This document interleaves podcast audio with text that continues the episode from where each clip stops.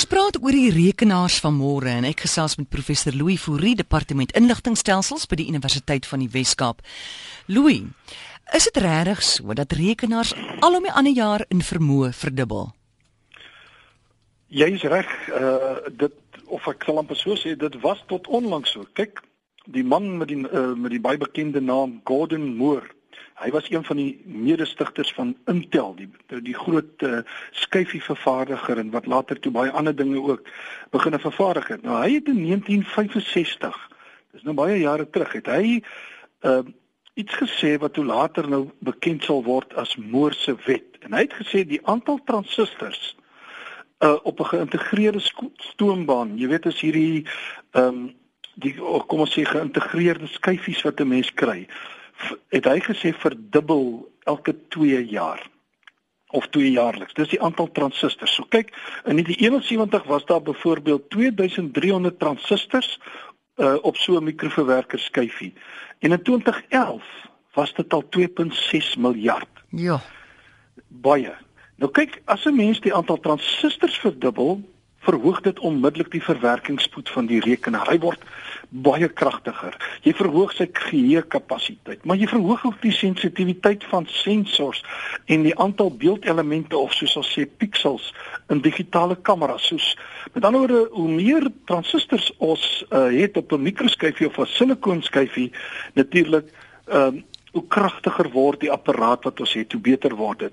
En tot nou toe moet ek sê was moer oor al die jare was sy voorspelling besonder akkuraat. Maar nou moet ek weer begin sê en dis hoekom dit so geaarsel het toe jy dit vra aan die begin. Hierdie hierdie wet van Moore van eksponensiële groei uh in die verwerkingsvermoë van rekenaars is mos natuurlik nou 'n uh, 'n waarneming.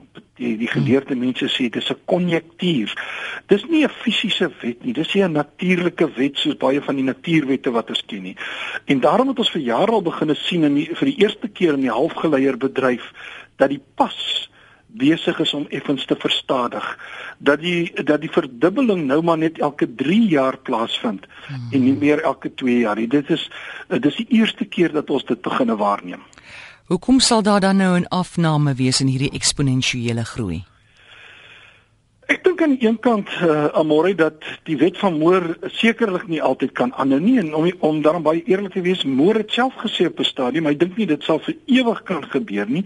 Want kyk, iewers word dinge so klein, hierdie verkleining of miniaturisasie gebruik uh, word op so 'n vlak dat ons op die atomiese vlak begine werk, op die vlak van atome. En uh, uh, daar raak dit besonder moeilik. En daar's natuurlik twee probleme wat in samehang hoe meer 'n mens verklein, mm.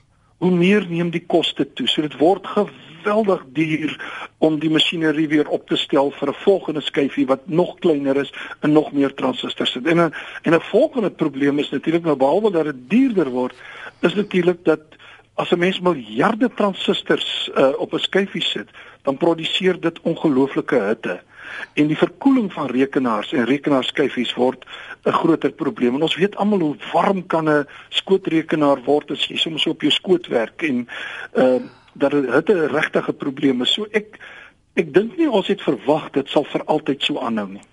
Is daar alternatiewe oplossings vir hierdie probleme?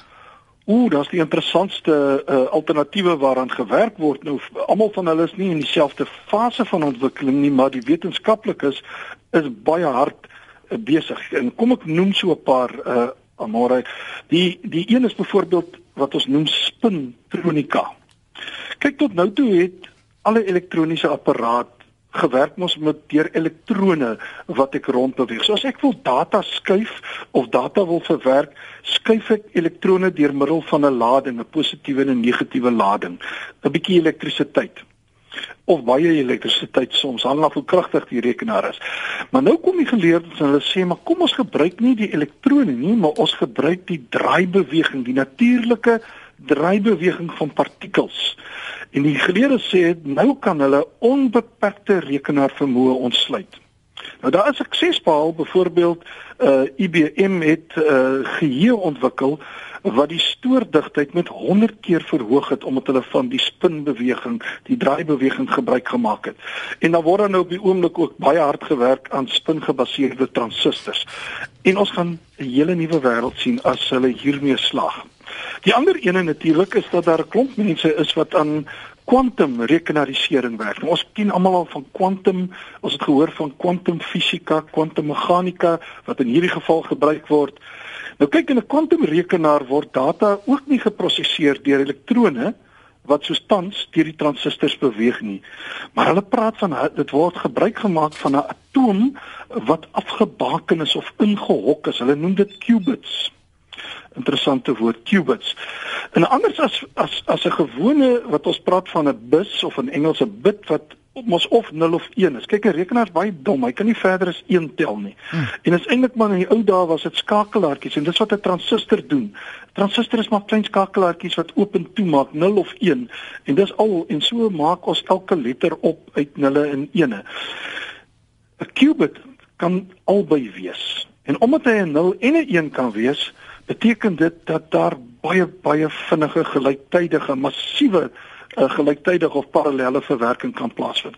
Die derde ene is fotonika. Nou fotone ken ons almal, dis ligpartikels. Nou in plaas van elektrone gebruik ek dan uh ligpartikels uh soos wat mense gebruik natuurlik in optiese vesel om dit tussen die mikroskyfies op die rekenaar in die rekenaar te vervoer. Met ander woorde, ek gebruik elektrone vir die verwerking, maar vir al die kommunikasie tussen die verskillende dele van 'n rekenaar gebruik ek ligpartikels of fotone. En dan kom 'n interessante een ook, mense wat DNA of biomolekulêre rekenarisering gebruik. Nou hier in hierdie geval gebruik hulle DNA en hulle gebruik die ensieme wat so bekend is by ons as mense uh in plaas van dat hulle gewone silikoongebaseerde elektronika gebruik. Nou daar is daar is al 'n mate van sukses dis op 'n baie basiese vorm. Dis nie baie gevorderde rekenaar rekenaars op die oomblik nie, maar hulle het sulke klein molekulêre apparaatjies. Mens kry daarvan 'n triljoen in 'n mikroliter. Hulle gebruik dit tans om in te spuit en dan kanker op te spoor. En die laaste een is chemiese rekenarisering. Dit is 'n 'n baie baie onkonvensionele, hulle kan presies 'n nuwe benadering. Hulle maak 'n sop. Moet ek seker sê sop tussen in aanhalingsteken, nie die soppe wat mm. jy op die resepte maak nie. En wat hulle daar doen is hulle gebruik verskillende konsentrasie chemiese middels om die data te verteenwoordig. Ja, nou ek hoor dit is ongelooflik. Uh, eh, IBM in Zurich het ook nou met 'n hele ander nuwe oplossing na vore gekom. Ja, IBM het pas so verlede week nog het hulle gesê hulle het 'n nuwe prototipe rekenaar het hulle bekend gestel uh, en wat hulle nou weer doen is hulle ehm um, baseer dit op die menslike brein. Dit was hulle inspirasie en hulle gebruik wat hulle noem elektroniese bloed om dit aan te dryf. Dit ja. klink baie baie vreemd vir 'n mens. Nou kyk, die hm. menslike brein het mos 'n ongelooflike verwerkingsvermoë. En dit is 'n baie klein spasie wat deur ons brein, as jy dit vergelyk met jou liggaam, is 'n klein spasie en jou brein gebruik maar baie min energie. 20 watts word bereken. Nou IBM se elektrolitiese bloed neem ook die krag na die mikroskyfies en hulle lei net soos die brein uh, jou are dit weglei, lei hulle ook die hitte weer weg uh, soos wat in die brein gebeur.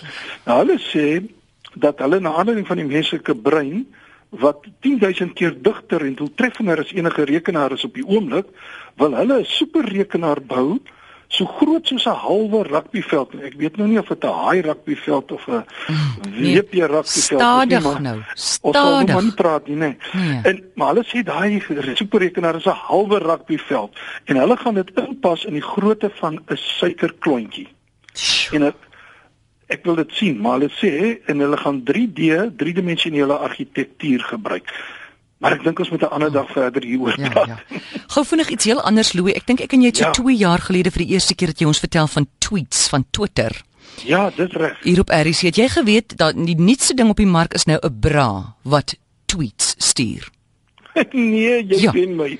Ek het nog nooit daarvan gehoor nie. Maar wat stuur hy? Dit is baie interessant. Dit is 'n um, ehm, dit is nou nog net in Europa. Dit is 'n bra wat jy aansit en soos jy hom hier agter by die rug vasklik, dan stuur hy vir jou 'n tweet. Herinner jou net daaraan na jou foon toe. Natuurlik volg jy nou jou bra op Twitter. Klink erg, né? Dan vertel hy jou, "Hey, uh, ek wil jou net herinner, jy moet jou borste ondersoek vir knoppe." Of hy sê, Ah. "Dis tyd vir jou mammogram."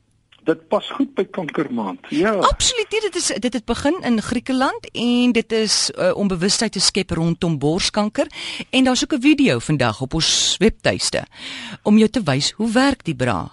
Kyk, dis oulik. Dis baie oulik, né? Dis baie oulik. Ja. Ons gaan baie meer daarvan sien, né? Ja. Dat ons herinner word deur allerlei apparate. Kan jy dink miskien jou denim uh, gaan jou begin te tweet as jy hom aantrek op die maandag, dan sê jou denim vir jou, "Hey, verbeel ek my of het ek verlede week losser gesit as vandag. Wat het jy hierdie naweek geëet?" Asseblief nie. Kyk maar, jy praat van 'n ding wat wat ek 'n uh, bietjie geloer het oor die naweek. Oor is en dit is dra jy weet draabare. Ons praat van draabare klere. Mm. Die en in juwele dat daar al hoe meer uh, rekenarisering plaasvind in, in dit. Soos jy sê, inderdaad jou jou jou gene. So ons kan miskien 'n volgende keer daaroor praat. Ek meen, Ons kan gerus. Nee, ja. Ons kan gerus. dit ja. sal interessant wees. Dankie Louis. Goed, mooi dag.